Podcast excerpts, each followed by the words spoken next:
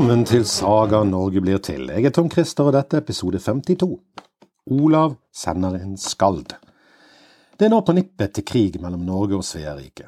Olav Skjøtkonung har lurt Olav Haraldsson. Ingen brud kommer når Olav venter, og Olav er fortsatt singel. Og dermed så har Olav bestemt seg for å lyse ut Leidang for å ta hevn på svenskekongen.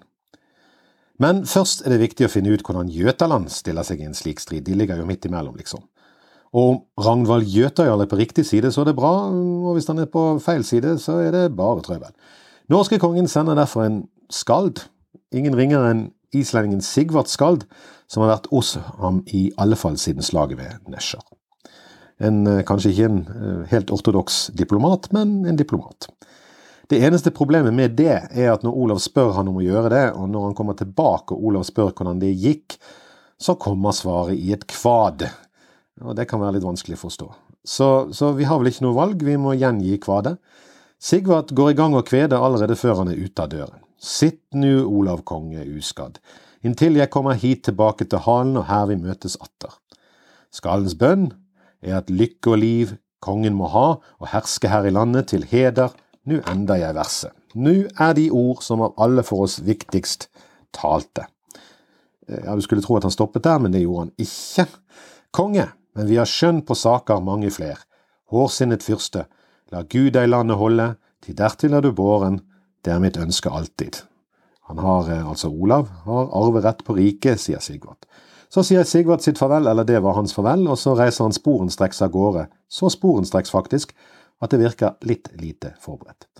De drar til en innsjø som i dag heter Store Le, på grensen mellom Norge og Sverige. Der må de over, men de har litt problemer med å finne noe å komme over med, for det har de ikke forberedt.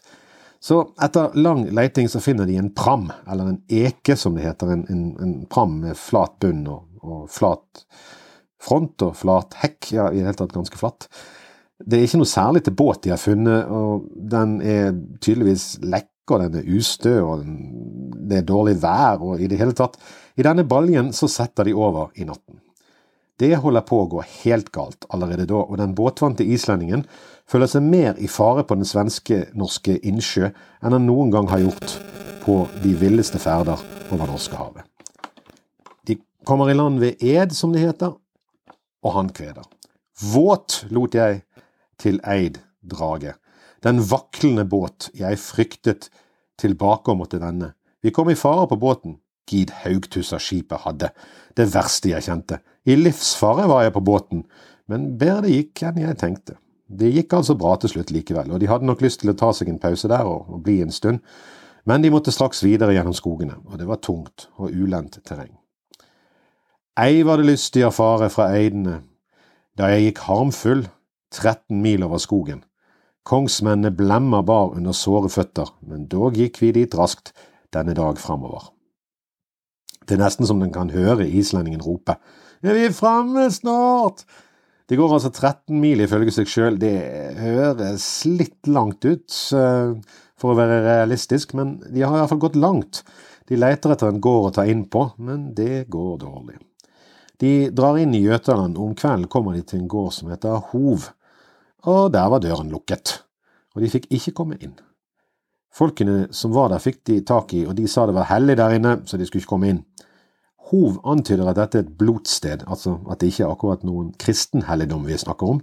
Hov er jo en slags norrønt gudesete, eller kirke, selv om kirke er en dårlig sammenligning. Eh, men et sted der Odin og Thor holder til, i hvert fall. Ikke Jesus Kristus.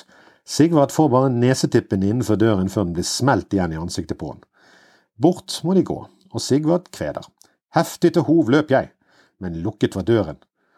Og bønnlig ute jeg spurte meg for, mens inn nesen jeg satt. Få ord fikk jeg, men hellig folkene sa det være der. Hedning bort meg jaget, men jeg ba troll dem taket. Sigvart kaster altså en nokså ukristen forbannelse over hedningene på Hov, men videre må han dra, og det går ikke mye bedre på neste gård. For der står matronen, eller husfruen, i døren, med armene i kors, og ber han om å ikke komme inn i det hele tatt. De har alveblod, sier hun, og Sigvard kveder.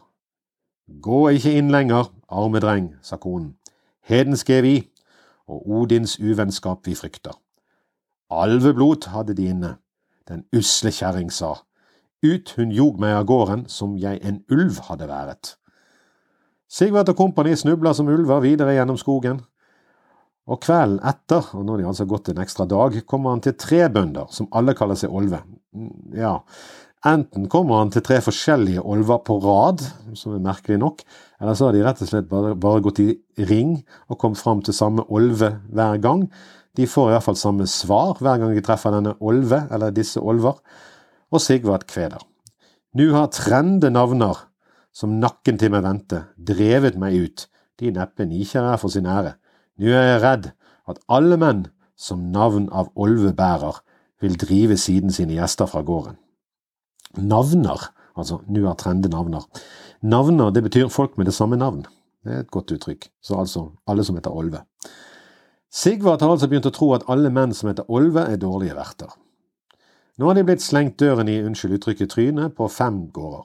Den sjette gården er hos en mann som har godt ord på seg, og som var kjent som en av de beste menn.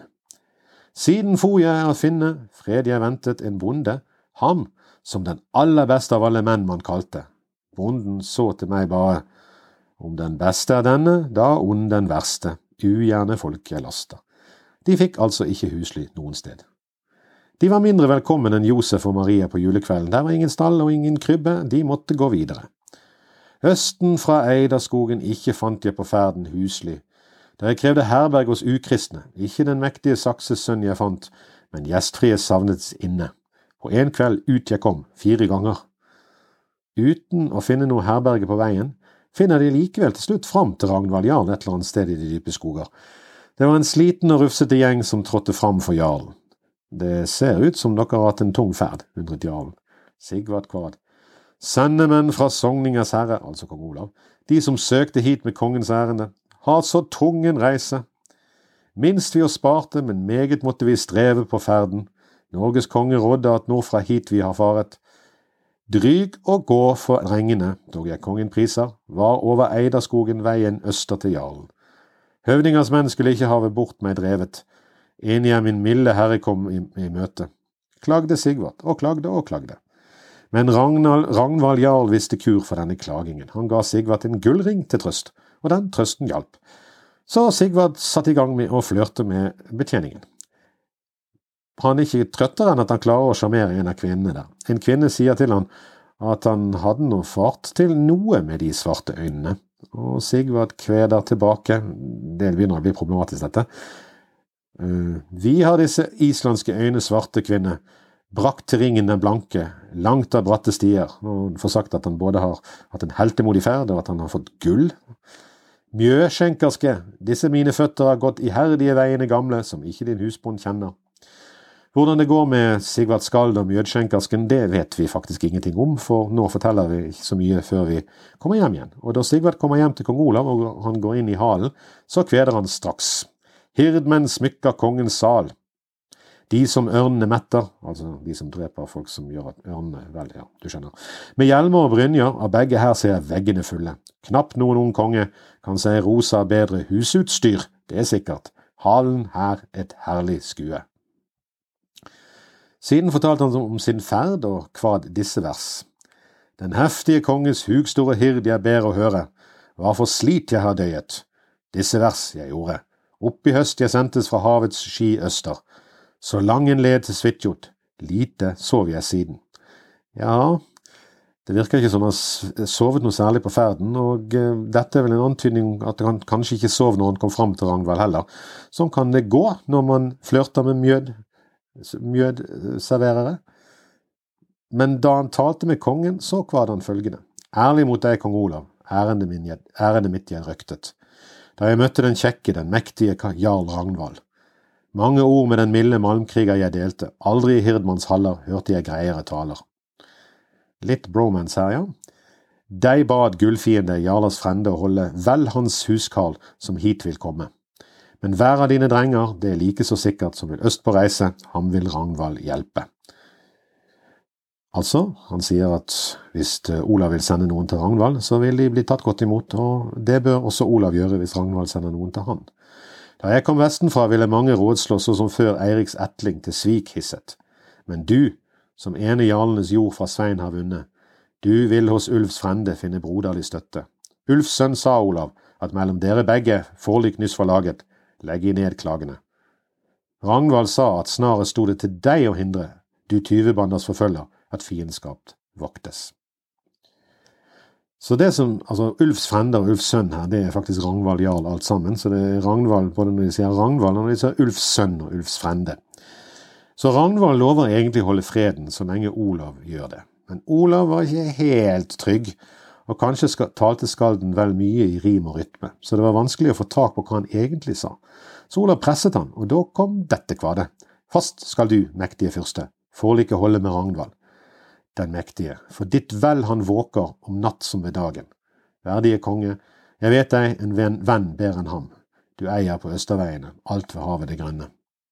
Så klar en skald kan få sagt det, får Olav beskjed om at Ragnvald er en ekte venn. Olav lar tro gå for tvil og sender jerntegn eller melding til jarlen om det.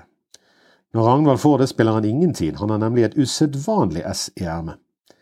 Ragnvald har til fostring svenskekongens andre datter Astrid. Hvordan i alle dager det har gått til, og hvordan hun har fått bli der etter skandalen på tinget, vet vi ikke, men hun er altså der. Som en slags forsikring mot at svenskekongen skal angripe Jøtaland, tror jeg. Ragnvald tar henne like godt med på hesteryggen og lar hundre av sine beste menn sale opp med henne. Og så drar de alle sammen til Olav Haraldsson i Sarpsborg. Den 2. februar, altså på kyndelsmesse, er de fremme hos Olav. Jarlen blir tatt godt imot, og det blir stelt til et storslagent gjestebud med mye mat og drikke. I løpet av denne festen klarer Ragnvald jarl å gifte bort Astrid Kongsdatter som erstatningsbrud til Olav. Altså, Ragnvald gifter bort en kongsdatter uten at kongen vet om det. Det er helt uhørt, men med det sørger han for at Olav ikke invaderer Sverige som han hadde tenkt. Gjestebudet går, klokt av skade, direkte fra gjestebud videre til bryllupsfest og bryllup, og innen festen er over, er Olav og Astrid gift, og Norge har fått en svensk dronning. Grunnen til at Astrid er Jøtaland og ikke hos kongen, er kanskje at hun ikke er kongens ektefødte datter, hun er datter av en trellkvinne fra Vendland. Beggars can't be choosers, så hun tar godt imot Olav som sin nye mann. Uansett, det er vel ting som tyder på at Astrid er en attraktiv kvinne både av byrd, vesen og intelligens. I mellomtiden raser og buldrer svenskekongen. Han vil ha hevn over, ja, alle, mest av alt Ragnvald jarl. Han gifter nå bort Olavs opprinnelige forlovede, Ingjerd, til en konge fra Gareriket. Men Ingjerd er ikke tatt bak en vogn, og her får vi en mistanke om at Ragnvald og Ingjerd's forhold er tett, for når hun skal av gårde, krever hun å få Ragnvald med seg til Gareriket.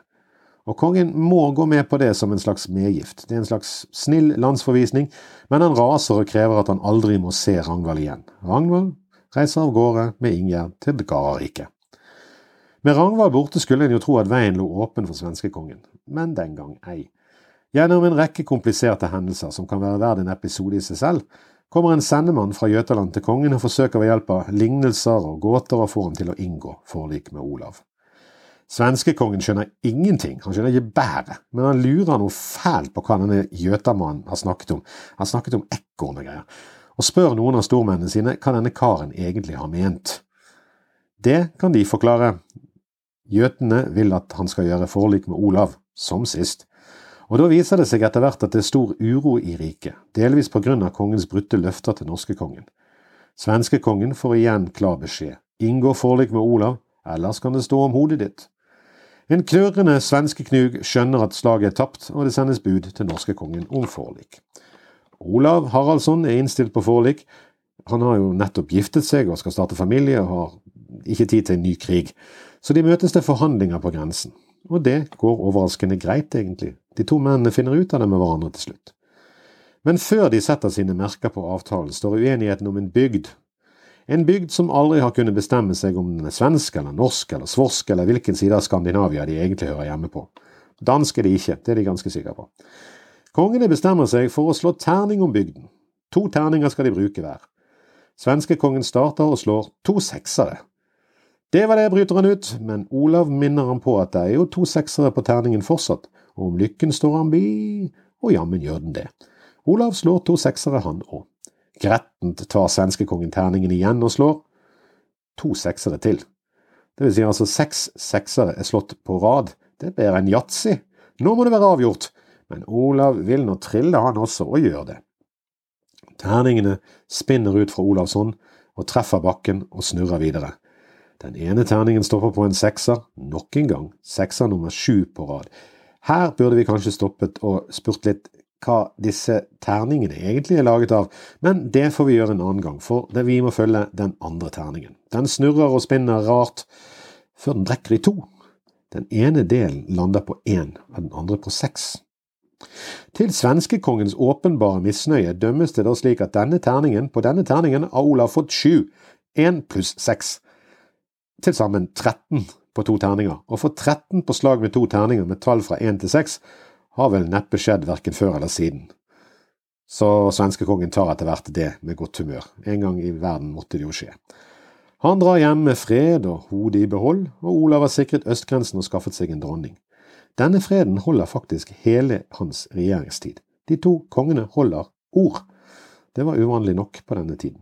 Men Olav hadde enda slikt å gjøre og slikt å føre, som Askeladden sa. Shetland og Orknøyene måtte hamres på plass igjen. Og så var det denne kristendommen. Da. Altså Langs kysten så det jo relativt greit ut, men oppe i dalene skjedde det mye rart, altså. Så det måtte han gjøre noe med. Og et eller annet sted i horisonten lurer Knut, den mektige konge over egentlig Norge, Danmark og England. Men mer om det neste gang. Jeg er Tom Christer, og dette var episode 52 av Saga Norge blir til. Før vi slutter av, et vers fra Håvamål, selvsagt. Meldingen i disse strofene krever vel ingen forklaring eller tolkning. Ikke så godt som godt deg sier, er øl for manna ett. De mer du drikk, de mindre hvitmundige hausen hava.